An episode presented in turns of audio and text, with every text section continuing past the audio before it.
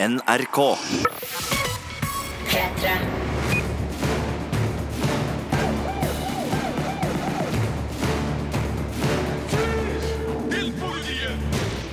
Hjertelig velkommen til en splitter ny podkast fra oss i Filmpolitiet.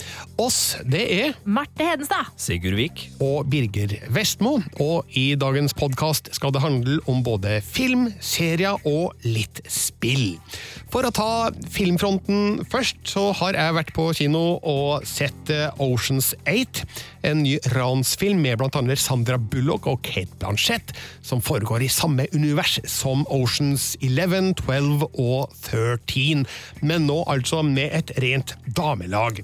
Jeg har sett skrekkfilmen Hereditary med Tony Collette, som det har gått rykter om helt siden den hadde sin premiere på Sundance-festivalen i januar, og nå kan jeg bekrefte at ja, den er skikkelig skummel. Og så har jeg sett den nye animasjonsfilmen Ulvehunden, som er basert på en klassisk roman av Jack London fra 1906, og som er filmatisert flere ganger før men nå altså i en animert spillefilmversjon. På seriefronten så har du, Marte, sett en eh, ny Marvel-serie. Ja, altså det er jo sånn at eh, Marvels Cloak and Dagger den har dura og gått på HBO Nordic eh, hver fredag en liten stund nå. Det er fire episoder ute. Eh, vi fikk ikke anmelde den på forhånd, men nå gjør vi det. Og jeg liker det jeg ser.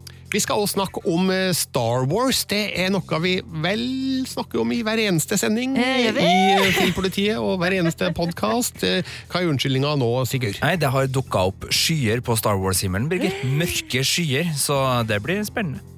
Men først skal det handle om premierefilmen Oceans 8. Filmpolitiet anmelder film.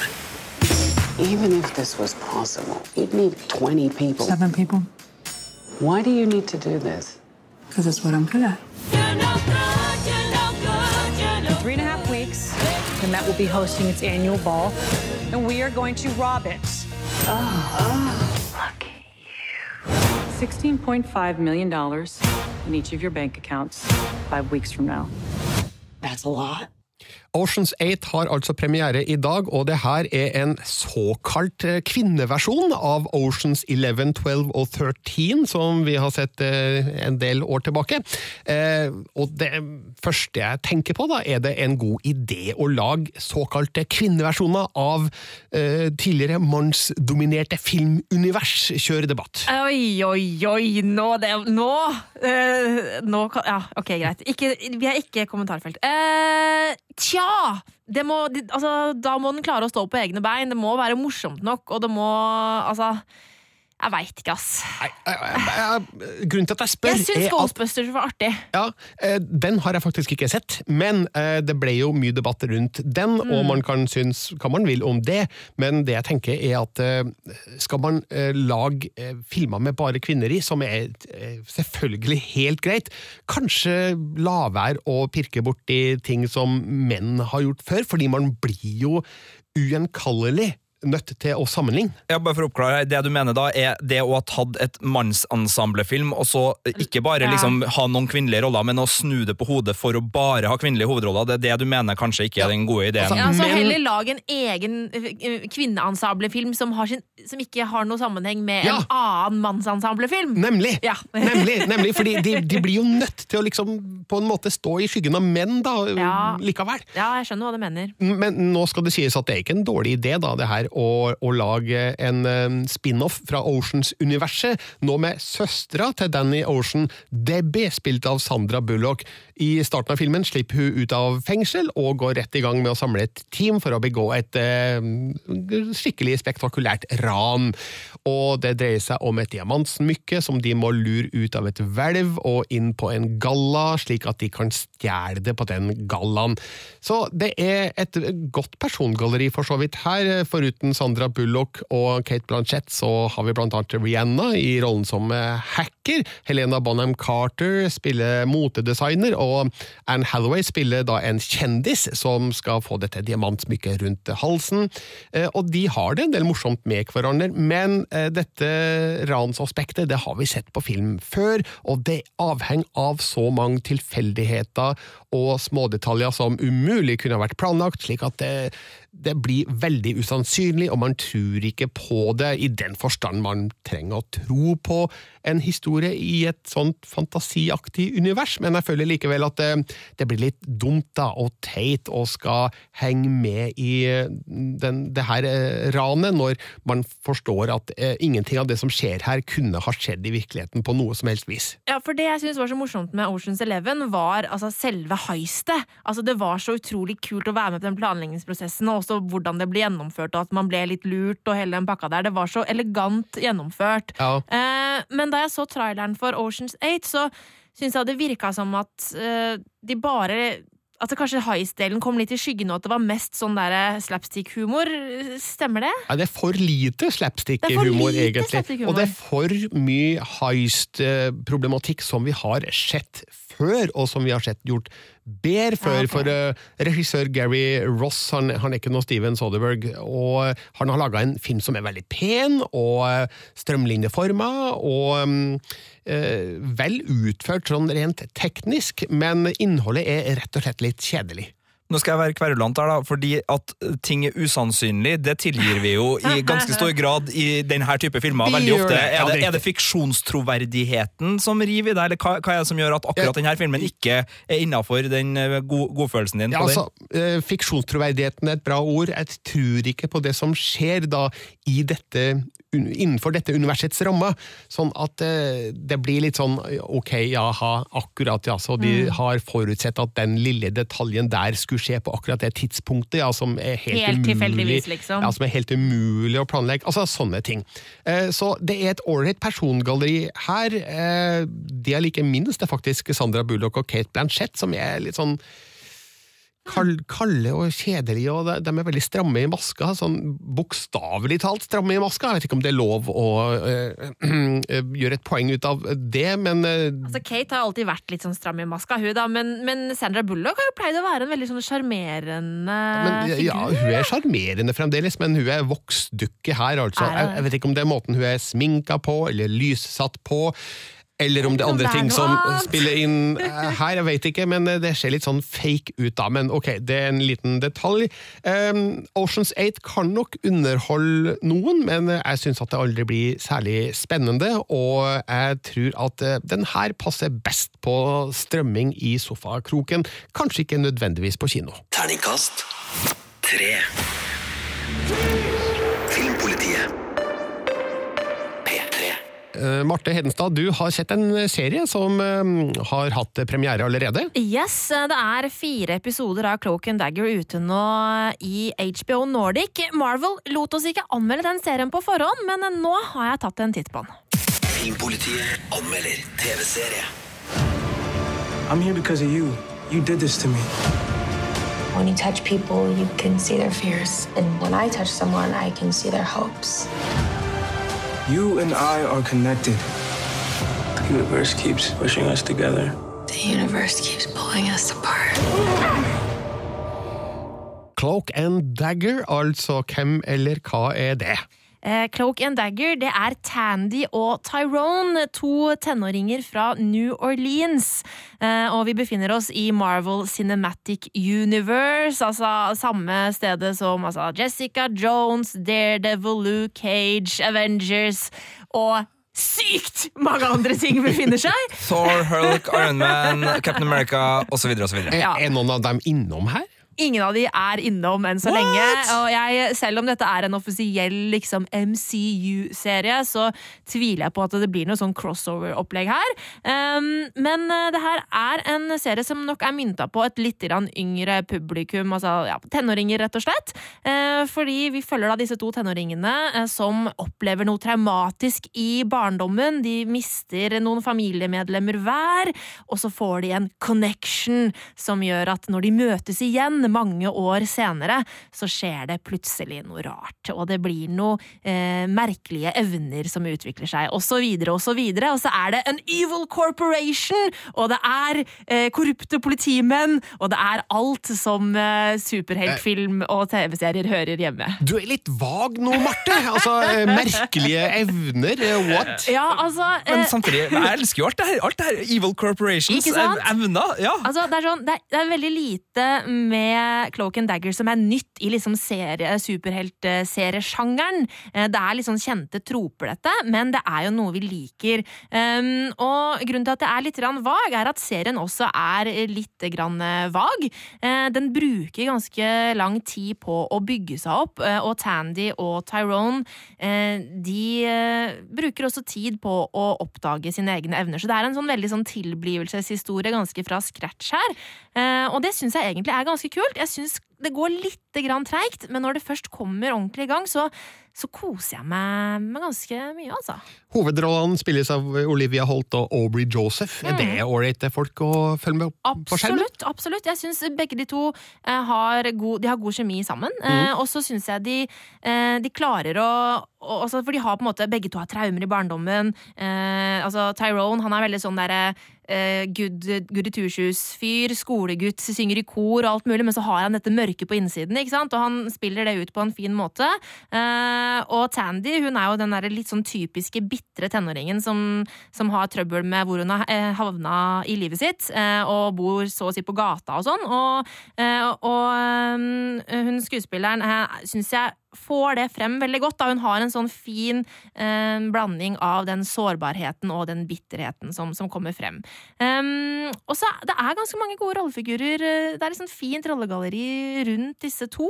Eh, og en av de rollefigurene er jo på en måte New Orleans. Eh, I likhet med Netflix sine Marvel-serier så er på en måte byen også en del av rollegalleriet, og det funker veldig bra. Så um, ikke noe sånn sykt nytt, men jeg kommer til å kose meg med Cloak and Dagger utover sommeren. altså. Altså, Hvilke andre uh, serier er det fans av som skal følge med på den her? Altså, Er det Riverdale-fansen som skal sjekke den ut, eller er det Ja, Marvel-fansen? ja, eller? Eh, både og. Eh, fordi Riverdale-fansen, absolutt sjekk det her ut. Dette er en serie som er mynta på dem, men er du superheltfan, så er dette her også noe for deg, altså.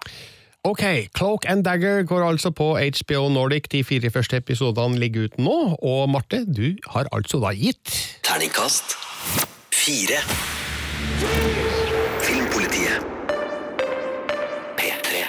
Det ser ut som at eh, det blinker et blått lys for flere enkeltstående Star Wars-filmer, Sigurd? Ja, det har kommet litt uh, nyheter de siste dagene, uh, delvis basert på at uh, Solo Star Wars-filmen, altså den forrige spin-off-filmen som kom for fire uker siden, har gjort det ikke forferdelig dårlig på, på kino, men den har gjort det litt dårligere enn forventa, og litt dårligere enn Star Wars liker at filmene sine gjør. Den har tjent en 344 millioner dollar internasjonalt, som er en anselig sum. Ja. Og det er 93 000 her i Norge som har vært og, og sett den på kino, men tallene er litt dårlige, og nå har ryktene kommet om at både Bubba Fett-filmen, som er uh, in the works, og Obi-Wan-filmen, som uh, angivelig da skal være planlagt, begge kan bli satt på hold, rett og slett. Altså ikke kansellert nødvendigvis, men satt på hold. Og for å ta Bubba Fett-filmen først, den fikk jo tidligere denne måneden her eh, James Mangold, altså mannen som regisserte blant annet Logan, uh, tilknytta seg, og, og man forventa at den kunne komme allerede da i 2020. Nå kommer det beskjeder fra flere hold om at det sannsynligvis ikke kommer til å skje, fordi Mangold driver og jobber med en annen en bilfilm, eh, og den kommer til å ta ganske mye tid, så den kommer neppe til å begynne innspilling før tidligst 2020, noe som setter opp et lite hull da i, i Star Wars-planen eh, hvis det skjer, for de liker jo å pumpe ut eh, ganske regelmessig. Og så har Collider, et nettsted av eh, rimelig troverdighet i internettverden, uh, snakka med kilder med kjennskap til situasjonen i Lucasfilm, det er det de sier, da, som sier at begge de her filmene, og alle, da filmer, alle filmer som ikke er uh, tilknytta enten uh, Skywalker-sagaen, som vi får siste filmen på, eller uh, Rian Johnson sin trilogi, eller uh, Benny of Wise, altså Game of Thrones-skaperne sine filmer, de filmene går som planlagt, men spin-off-filmer og standalone-filmer da settes på vent. Så det er ståa. Litt uh, sånn ubehagelige nyheter. Men nå har Lucasfilm kommet på banen. De har uttalt seg til ABC Nyheter nå nylig og sagt at rapportene er eh, de er ikke feil, men de er inaccurate. Eh, og at de eh, Betyr sier- ikke inaccurate feil? Nei, un, unøyaktig kan det jo også bety, eller uriktig. ja, Eh, ja, så de har ikke blant greit. avvist dem, men de sier at vi jobber med flere filmer, vi, så ikke tenk på det. Men de vil ikke si hva det er. Nei, Nei. Så, så det er rykter som er litt sånn ominous, da, for å bruke et godt eh, norsk ord på, på Star Wars-himmelen, men det er jo ikke noe krise, det her. Jeg vet ikke, Dere er jo begge Star Wars-fans, hva tenker Jeg, jeg føler at jeg trenger ikke noe Boba Fett-film, egentlig, så for min del så kan den bare legges på hylla. Og nå sprengte du internett. Boba Fett passer best som en liten bifigur fra de filmene vi allerede har sett. Skal han liksom bære en hel film alene? Nei, det tror jeg ingenting på. Men eh, Obi-. Obi-Wan-filmen, eh, altså hva skjedde med han i The Dark Years før eh, episode fire, det kan jeg tenke meg å se. For den skulle jo begynne innspillingen i 2019 etter at episode 9-innspillingen var ferdig, men eh, Det kan jo skje fremdeles, da, men hvis man skal tro disse eh, sources with knowledge of the situation som både Collider og IndieWire og Empire har lent seg på, da, så, så er den satt på, på hold. Eh, den skal forresten ikke være en origin story, visstnok. Det skal visst bare handle om eh, ting Obi-Wan gjorde før vi ble kjent med ham i, i Skywalker-sagaen. Og, nei, og ja. ja. Men eh, det, det kommer flere Star Wars-filmer, eller? å ja da. Det kan hende, altså. ja. Det kan hende. Et par. Derfor avslutter vi dette segmentet med en passende vignett. Filmpolitiet. Chewie, we're home. Filmpolitiet. På P3. Filmpolitiet anmelder film.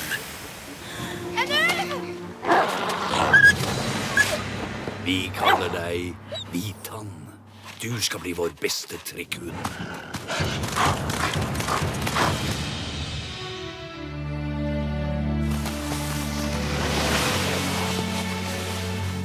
Nå er tiden kommet for at du blir voksen. Står her at han er terroren fra Yukon. Ikke sant, gutten? Jeg trodde det var jeg som var terroren i Yukon. Du er jo en engel. Det er dere begge. Ulvehunden heter denne filmen, og den er basert på en klassisk roman fra 1906 av Jack London, som er filmatisert flere ganger, og den mest kjente versjonen for vår aldersgruppe er kanskje Disney-filmen fra 1991 med en veldig ung Ethan Hawke i hovedrollen. En veldig kjekk Ethan Hawke i hovedrollen, i hvert fall for meg da jeg var seks år. Nemlig, nemlig. Men, men nå er det altså da en animasjonsfilm eh, som har premiere i dag, eh, som er fransk-luxemburgsk-amerikansk. Oi sann! Eh, kan du gjenta det? Nei, helst ikke. Eh, Men det denne filmen gjør annerledes i forhold til tidligere filmatiseringer, er at eh, den, den ligger nærmere boka i den forstand at historien fortelles fra eh, ulvehundens perspektiv. Så her følger vi da ulvehunden Hvithann fra han er liten valp til han er mm, godt eh, voksen, og hvordan hans møte med menneskene da i Alaska fortoner seg. For det er tøffe utfordringer i vente, og det er krasj mellom menneske og natur, og det er en meddrivende historie for eh, ja, hele familien. Nå høres ut som en reklameplakat her, men, men, men eh, det er en, jeg har et par ting å sette fingeren på, men først av alt Animasjonen i denne filmen er helt avsindig nydelig. Eh, Den er digitalt animert, men den ser ut som at den er håndtegna, og det er nesten eh, malerisk eh, kvaliteter over det her, og naturen er fantastisk flott. Og her får du store kontraster mellom blendende hvitt eh, vinterlandskap med nydelig snøfall, og så har du da frodige grønne skoger og enger bada i oransje sollys i sommerscenene, og eh, dyrene er fantastisk vakre, og i hele tatt det er så mye snadder å se på at uh, ulvehunden er verdt besøket bare for det. Uh, det jeg har å sette fingeren på er at Jack Londons roman er jo da kokt ned til en kortere spilletid uh, nødvendigvis, og det gjør at noen av menneskefigurene spesielt da eh, er litt kjappe i vendinga, og eh, de ombestemmer seg veldig, veldig snarlig, og eh, motivasjonene deres er litt sånn lemfeldige og Vel, det lir historiefortellinga litt under, samtidig som jeg tror at barna, som kanskje kommer til å flokke seg til ulvehunden, eh, vil ikke bry seg. Nei. Jeg lurer på en ting, for vi hørte jo at den her var dubba til norsk. Og eh, noe som ofte irriterer meg litt når jeg ser eh, animasjonsfilmer med norsk dub som ikke er gjort eh, med de, de største pro produksjonene, er at eh, lydnivåene er veldig jevnt. Altså, det er ikke noe dynamikk og noe opplevelse av filmen i dubbearbeidet nødvendigvis, eller i hvert fall ikke nok til at jeg virkelig føler det. Altså, det, det. Man nesten hører at det er spilt inn i et studio. Eh, hvordan funker den norske dubben sånn eh, inn i filmen, og for å liksom fange opp eh, dynamikken som, som skjer på, på lerretet? Ja, jeg vet ikke om jeg forstår spørsmålet ditt helt, eh, Sigurd, men dubbinga den er bra. Jon Øigarden, Dennis Storhøy, Stig-Henrik Hoff og Lise Karlsnes er blant de som leverer stemma her, og de gjør det godt. Sånn at det er jo ikke en dialogdreven film, men eh, når mennesker er inne i bildet, så er dubbinga klar og fin og god, og med bra innlevelse, og det er vel det jeg har å si om det, tror jeg. Det er godkjent. Ulvehunden har premiere i dag, og jeg tipper at den vil bli sett av en del titusener på kino i Norge. Den fortjener i hvert fall det, for det er en usedvanlig vakker animasjonsfilm, og med en historie som trygt kan kalles tidløs, og derfor får Ulvehunden Terningkast fire. P3. Og nå over til dagens desidert skumleste premierefilm på kino. Den heter Hereditary. Filmpolitiet anmelder film. It's Grandma. You know you were her favorite, right? Even when you were a little baby, she wouldn't let me feed you because she needed to feed you. She was a very difficult woman, which maybe explains me. I recognize you from your mother. What? Sometimes I swear I can feel them in the room. Oh my god! What's that? Ok, den som har sett mye skrekkfilm og grøssere på kino de siste åra, er blitt godt vant til jump scare-taktikken. Altså, du skal skvette, det skal komme ting hoppende inn i bildet med høye orkesterstøt, og i det hele tatt, det, det har blitt den, den, store trenden at du skal hoppe i kinosetet hvert, fem, hvert, femte minutt, sånn ja. cirka. Det gjør ikke Hereditary. Altså, den har absolutt øyeblikk du kommer til å skvette av, men det handler mer om å bygge opp den ubehagelige følelsen av at det er noe som er feil, og det at stemninga stadig skrus mer og mer ut i det mørke og absurde, det, det liker jeg veldig godt. Sånn at du føler uhyggen kom krypende inn på deg, og det gjør det enda skumlere, synes jeg. Eh, nå skal jeg forklare litt hva den handler om, men jeg skal være veldig vag, fordi at Hereditary er en sånn type film der det er greit å ikke vite så veldig mye i det hele tatt om handlinga før du går inn, men det starter jo med et uh, dødsfall, eller uh, altså mora til Annie, spilt av Tony Collette, er død når filmen starter, og det er en begravelse, og vi, vi ser hvordan uh, familien, blant annet da mannen, spilt av Gabriel Byrne, hvordan de takler prosessen i kjølvannet av dette dødsfallet. Og så begynner da Annie å pirke litt i moras liv, og det begynner å skje ting, og hun finner ut ting, og ja, vi begynner å forstå noen sammenhenger, og det blir veldig scary etter hvert. ja, var det nok handlingsreferat til å få dere interessert? Ja, for jeg er mer interessert nå, merker jeg. Du har uh, sagt at det ikke den føyer seg ikke inn i den rekken som har hatt liksom Winchester House of Ghosts og alle de her nylige jumpscare-filmene, men det er jo også en trend de siste årene med litt sånn smarte nyskapende skrekkfilmer type Get Out eller It Follows eller for så vidt A Quiet Place. Altså, har den den der litt sånn smarte, fiffige skrekkfilmvibben over seg som gjør at den står seg ut og, blir en minneverdig eh, film? Ja, du er definitivt inne på noe der, Sigurd. Det er akkurat en sånn type film det er snakk om her. fordi ikke bare er den eh, skummel med veldig fiffige virkemidler, men det er også et persongalleri her der vi blir interessert i eh, familiedynamikken og eh, hva som driver disse figurene, og hvilke forhold de egentlig har til hverandre.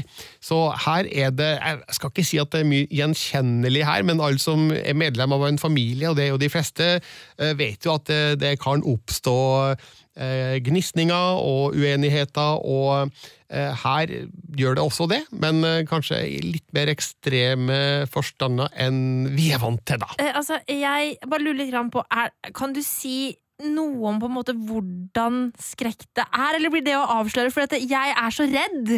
Eh, og så når du snakker om skrekkfilmer som er gode, og sånn som denne, så får jeg lyst til å se det, men jeg blir så mørkeredd. Ja. Eh, og, hvis det, og når det er sånn spøkelser og alt sånt der, så, så blir jeg dritredd for å være alene hjemme og sånn. Um, det er mulig du skal ha med deg noen da på Hereditary, for uh, de bor i et hus, og det er mørkt. Ja. og det er mange mm, dunkle kroker og ganger og trapper, og de, de har også et loft. Ok, greit. Ja. Jeg tror kanskje jeg dropper det.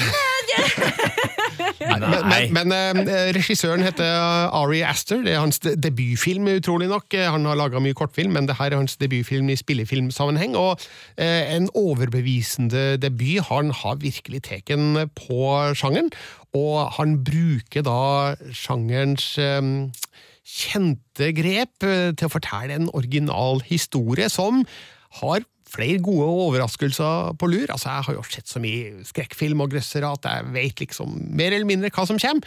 Uh, her gjør jeg ikke det. Så Oi. Hereditary eh, er frisk og original, sjøl om den egentlig ikke er det heller, hvis det går an å si det. Så eh, nei, dette var en skikkelig godbit eh, på kino. Jeg har jo hørt rykter lenge om den her, etter at den hadde sin debut på Sundance-festivalen i eh, januar, vel.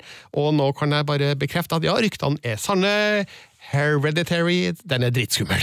Terningkast fem.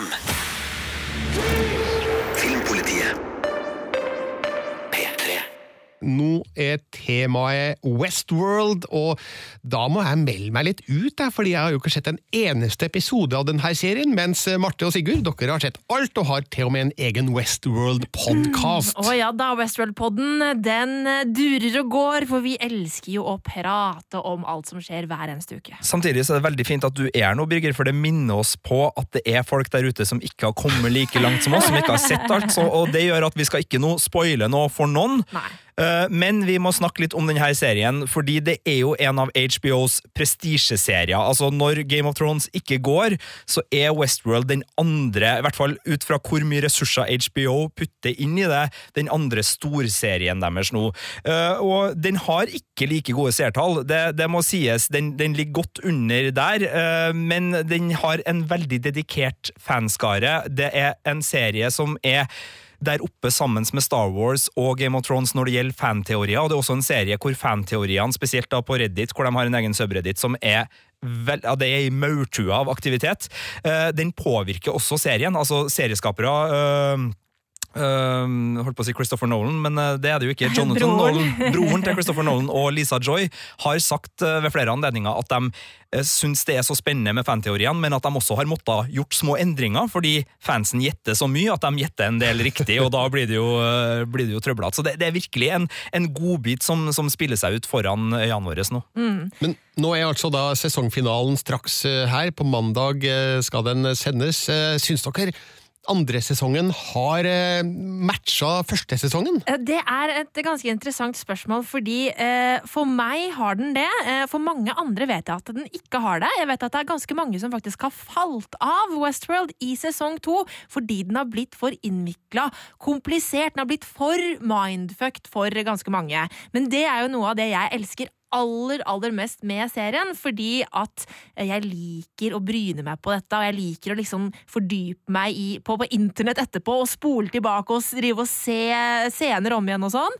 Eh, Men man må være litt sånn ekstra investert i sesongen for at den skal bli såpass bra. Ja, altså Har man gått helt Twin Peaks her, eller? Eh, Nei, men man har uh, lefla med den delen. Og så er det jo mange som da blir redd, fordi den, eh, vi kan jo si sånn tallene fra USA, vi har ikke norske eller internasjonale tall, men den starta på to millioner seere, og så gikk den ned, og var ned i sånn bare litt over én million, men har etter at eh, visse skuespillere tok opp en prestasjon, så, så har det gått oppover igjen, og nå er, er den opp mot gode tall igjen, Ja. så, så det går opp og ned. Men eh, det har jo vært frykta, da, og da er det jo spesielt én serie som har vært brukt som sånn skremselspropaganda, og det, det vet du mer om, Marte? Ja, det er jo Lost. Eh, Ofte når jeg snakker med om folk om denne sesongen, her, så er det sånn å herregud, jeg håper ikke det blir helt Lost. Nå må vi få noen svar snart, er på en måte det som går går igjen hos folk.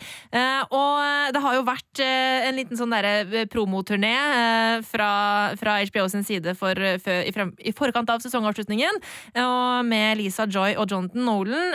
Og da har blant annet Lisa Joy sagt da in Lost, they really believed in the mystery box and not looking too much inside the box, men forteller da at vi, vi, vi skal ikke bare se inni boksen, vi skal ta fra hverandre boksen. Vi skal liksom og putte den sammen igjen som en sånn slags Lego-byggesett. Fordi at, eh, sånn at De syns det er så spennende med denne boksen og alt som er inni der. Så svar skal eh, bli gitt, da, sier de i Men sesongfinalen. vil man egentlig ha alle svar på noe? Vil ikke da magien på en måte bli brutt? Man vil ha noen svar, fordi eh, grunnen til at mange falt av på Westworld, var at det ble en serie som bare stilte spørsmål uten å gi den tilfredsstillende litt sånn hekt på folk med noen svar underveis. Men nå har vi sett at det har kommet en del svar i de siste episodene, og vi forventer jo da spesielt etter at Lisa Joy nå går ut og sier at vi, vi skal ikke bare uh, lage mysteriet, vi skal, vi skal gi noen svar også. At vi får en tilfredsstillende sesongavslutning som vi selvfølgelig ikke skal gi alle svarene. Jeg er helt enig med Birgit. Det må være noen gapende gode cliffhangere Det skal jo være flere sesonger. ikke sant? Men at vi, at vi ikke bare sitter og, og føler at vi er midt inne i en skoletime i fysikk som vi har ramla helt av, fordi vi har jo alle gått på skole, vi vet hvordan den følelsen er når man sitter her og bare drodler på blokka og tenker sånn søren, det her, eh, det her kommer ikke jeg til å få med meg. Så, så jeg liker at de lover litt da, at vi skal, vi skal slippe den følelsen. Ok, Siste episode i andre sesongen av Westworld går altså um, mandag på HBO. Og Westworld-podden til Marte og Sigurd finner du der du finner dine podkaster.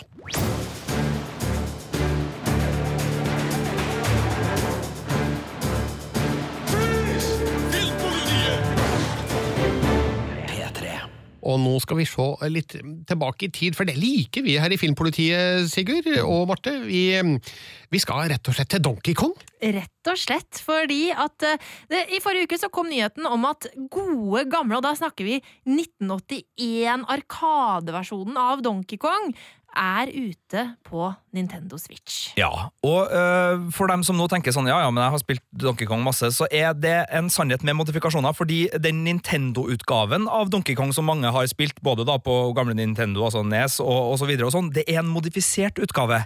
Så det her er første gangen øh, man kan spille den originale arkadeversjonen av Donkey Kong, som da introdusert blant annet av Mario til, til verden, på, eh, uten, å, uten å ha brutt loven eller gjort noe, noe, noe lumskheter med, med koder og, og, og den slags. Det har blitt også koda på nytt, så, så det har vært på Nintendo 64 i en sånn nykoda versjon, men det her Jeg er vet ikke om jeg noensinne har spilt den originalen. Jeg har, Nei, jeg jeg har spilt en emulator en gang. Jeg vet ikke om det var originalen. Jeg har spilt originalen. Du har det? Ja, på en uh, liten forslitt spillehall på en campingplass i Danmark. eh, tidlig på 1980-tallet husker jeg at eh, de hadde Donkey Kong, og ja, jeg brukte noen kronestykker der. Ja.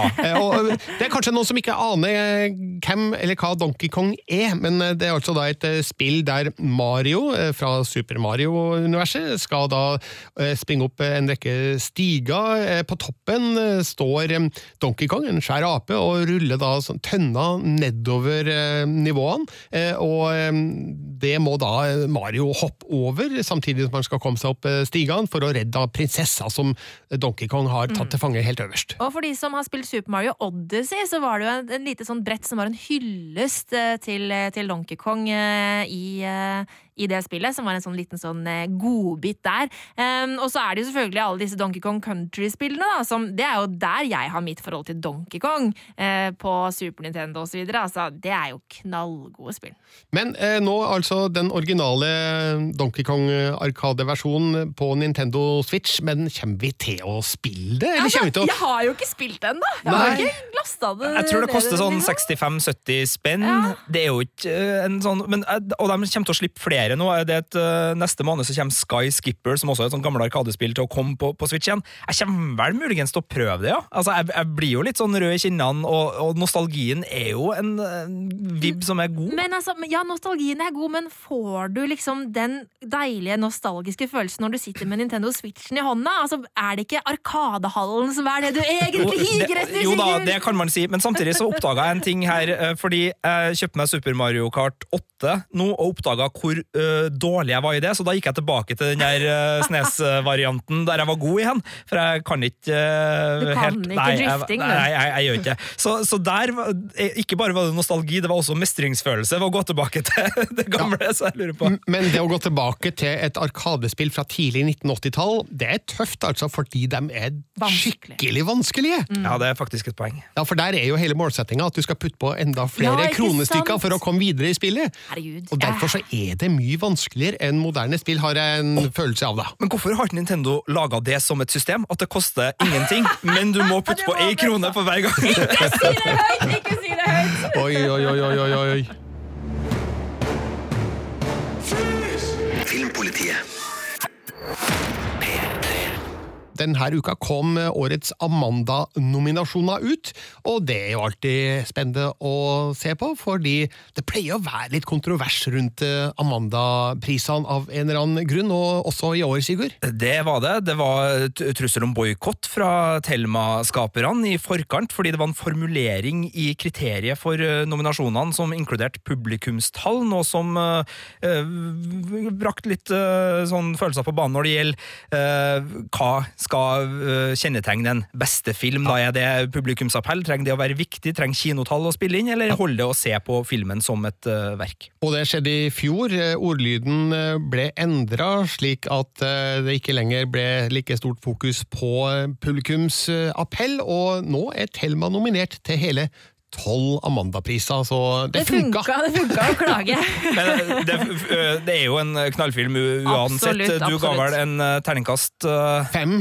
På den, Birger, så, så det var jo ikke noe sånn at det ikke var en eh, god film i utgangspunktet. Men eh, det er jo også Jeg syns jo det er artig at eh, norsk film har temperatur og har gnisninger, og nå eh, var jo da den filmen som ble sett av mest publikum, Den tolvte mann, hvis jeg husker publikumtallene riktig, ikke nominert til beste film, så det kan jo være at noen syns det er rart igjen, og jeg syns disse gnisningene de, de trenger vi, for den Ja. sørger for at diskusjonen vedvarer. Ja, produsenten av Den tolvte mann, Åge Aaberge, sier jo til NRK at han oppfatter Amanda som en sær og intern pris. Og vel, altså, filmen hans ble jo sett av 640 000. ehm, og Fikk terningkast fem av meg. Ja, og det er jo langt over eh, eh, publikumstallene til både Thelma, Utøya 22. juli og Hva vil folk eh, si? Men når det gjelder de to sistnevnte filmene, Utøya 22. juli og Hva vil folk si, så fikk jo da faktisk begge de to filmene terningkast seks av oss i Filmpolitiet, så da, da mener vi jo egentlig at uh, det her er riktig. Ja, altså, og det er jo ikke alltid sånn at det massene går og ser på kino alltid er det absolutt beste. Altså, det er jo ting som når bredt, er ikke nødvendigvis alltid best. Sånn er det. Eh, Så får man jo ta og diskutere hva man syns er viktigst da, når man eh, skal dele ut eh, prisen på beste film. Når man kommer med sånne sånn Det selges mer pizza Grandiosa Ikke enn sant? Ikke ja. sant? Ikke sant? Men uh, i hvert fall, uh, nå er det beste norske kinofilmkategorien bestående av de tre vi har nevnt. Hva vil folk si? Thelma og Utøya 22. juli. Eh, og eh, her må jeg personlig si at eh, Utøya 22. juli var den sterkeste filmopplevelsen for min del. Mm. mens du, Marte, du ga terningkast seks til Hva vil folk si? Det gjorde jeg. Det er en utrolig sterk filmopplevelse, det også. Men nå har ikke jeg Altså, jeg orka ikke gå og se uh, Utøya-filmen uh, på kino, så jeg har ikke sett den, fordi det, følte at det ville bli litt vanskelig. Um, så jeg vet ikke om kvaliteten på den filmen, da. Og så er Joakim Triers eh, Thelma også en fantastisk god film, så det her er Mm. Rett og slett møkkavanskelig! Veldig Ja, vanskelig. øh, jeg har sett alle tre, og jeg er kjempeglad jeg ikke skal avgjøre det her på noe som helst vis. Jeg vil bare si at det er tre veldig gode filmer som er nominert der, som på hvert sitt vis øh, virkelig både slår i magen og, og gjør inntrykk som, øh, som sitter fast. Ja, også i beste regi så er de tre regissørene av de nevnte filmene nominert. Altså Iram Mahak for Hva vil folk si, Joakim Trier for Thelma og Erik Poppe for Utøya 22. juli. Jeg spår at én film får for beste norske kinofilm, og så får en regissør av en av de to andre filmene eh, Amanda for beste regi. Så er det én en som liksom, som sitter igjen med svarteper. Vi får se når Amanda-prisene deles ut eh, i august. P3. Ulvehunden er ikke den eneste barnevennlige filmen som har kinopremiere denne uka. Nå skal du få dommen over bien Maja, Honninglekene. Filmpolitiet anmelder film. Hvis denne byjenta di er så selvsikker, så inviterer jeg henne og vennene hennes til å konkurrere i lekene. Hørte du det, Willy? Vi skal til honninglekene! Skal vi? Men hvis de taper, skal jeg ydmyke dere og ta all sommerhonningen deres. La lekene begynne. Bien Maja Honninglekende er enda en film fra Bien Maja-universet, kjent fra barne-TV, og også fra den forrige filmen Bien Maja på eventyr, som er anmeldt og ga terningkast fire.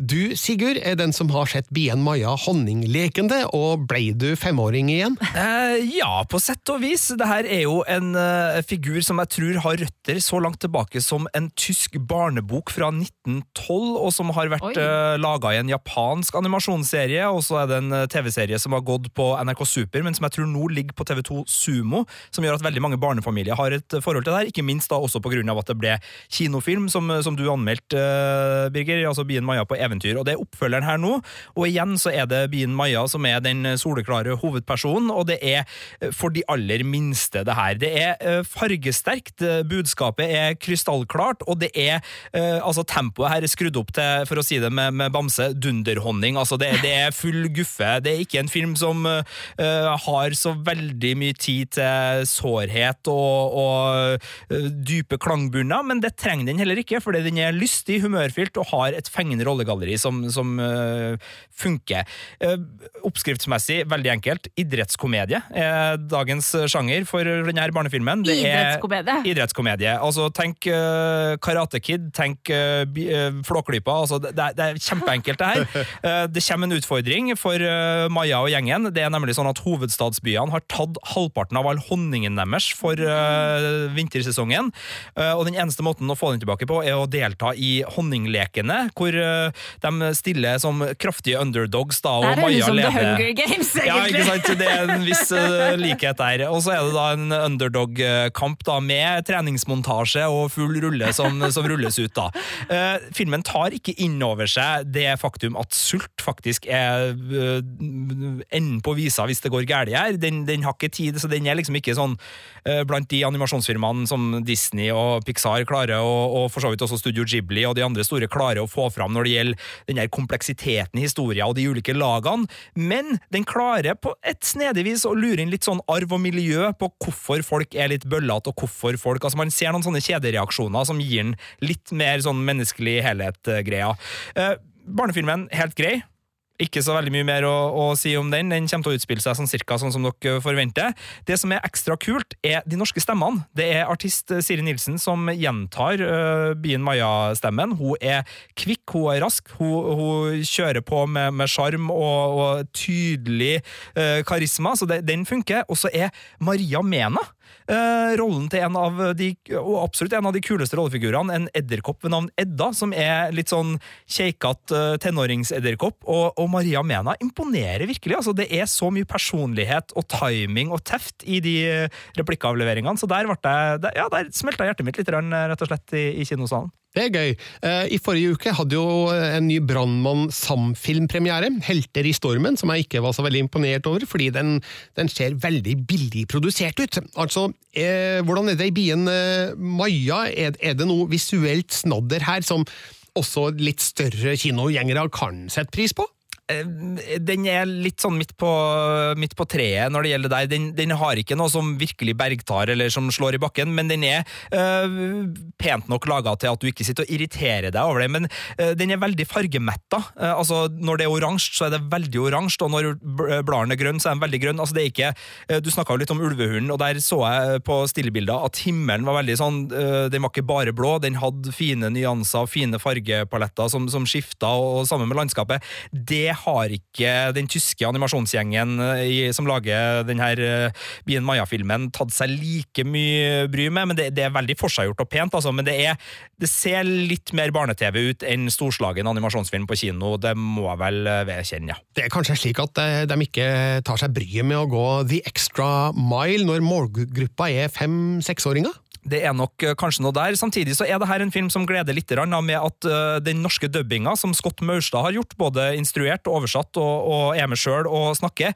den er såpass god at også eh, de litt voksne familiemedlemmene får et utbytte av den filmen. her, for den er ikke, Alt er ikke bare for de minste barna. Det ligger noen lag her som gjør at man kan både kose seg med, med den enkle historien, for så vidt, og også kose seg med en del artige replikker. Bien Maja, honninglekende, får følgende karakter av Sigurd. Terningkast fire.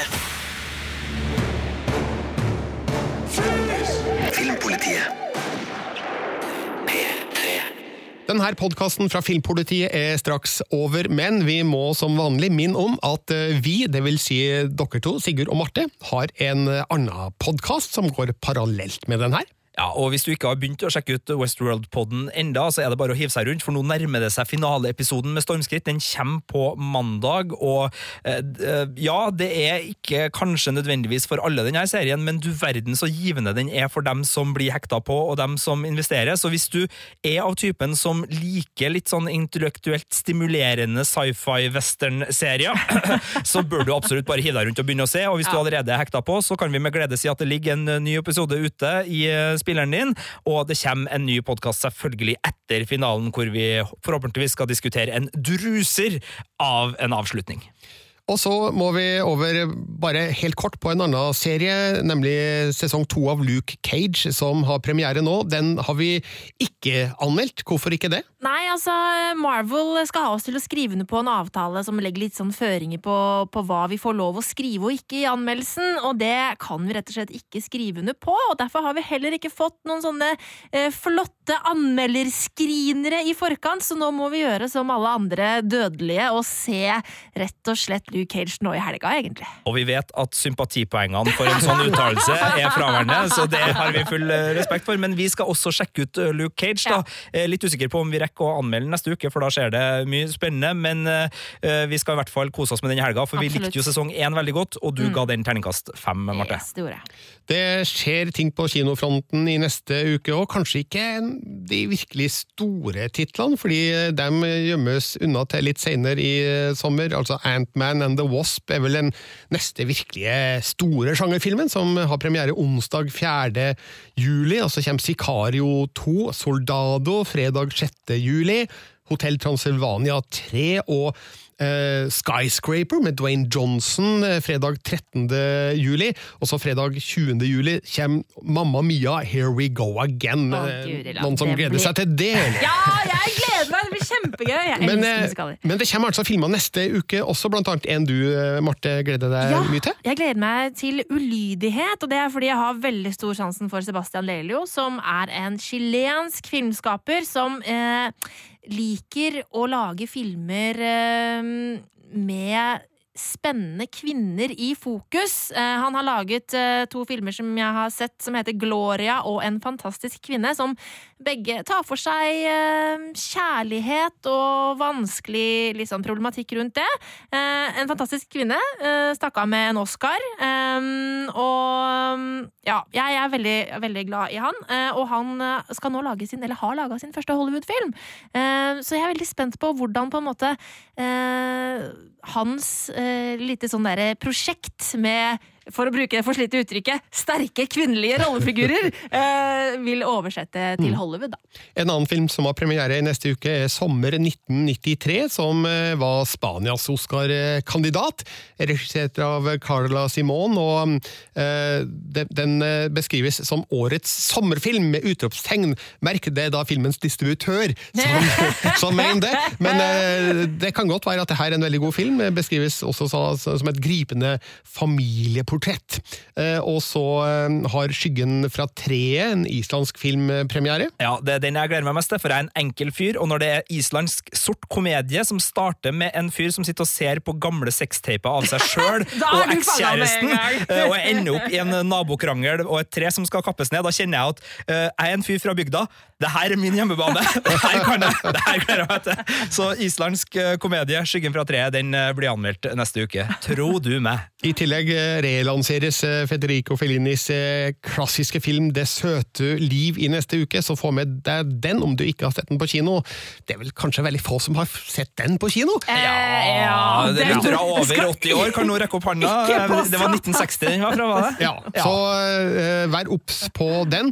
Uh, denne podkasten fra Filmpolitiet er nå over. Eh, vi som har sittet her i dag Marte Hedenstad. Sigurd Vik. og Birger Vestmo. Hjertelig takk for at du har hørt på oss. Eh, Gi oss gjerne en rating og en tilbakemelding der du finner dine podkaster, slik at vi kan nå enda flere med våre budskap om film og serier.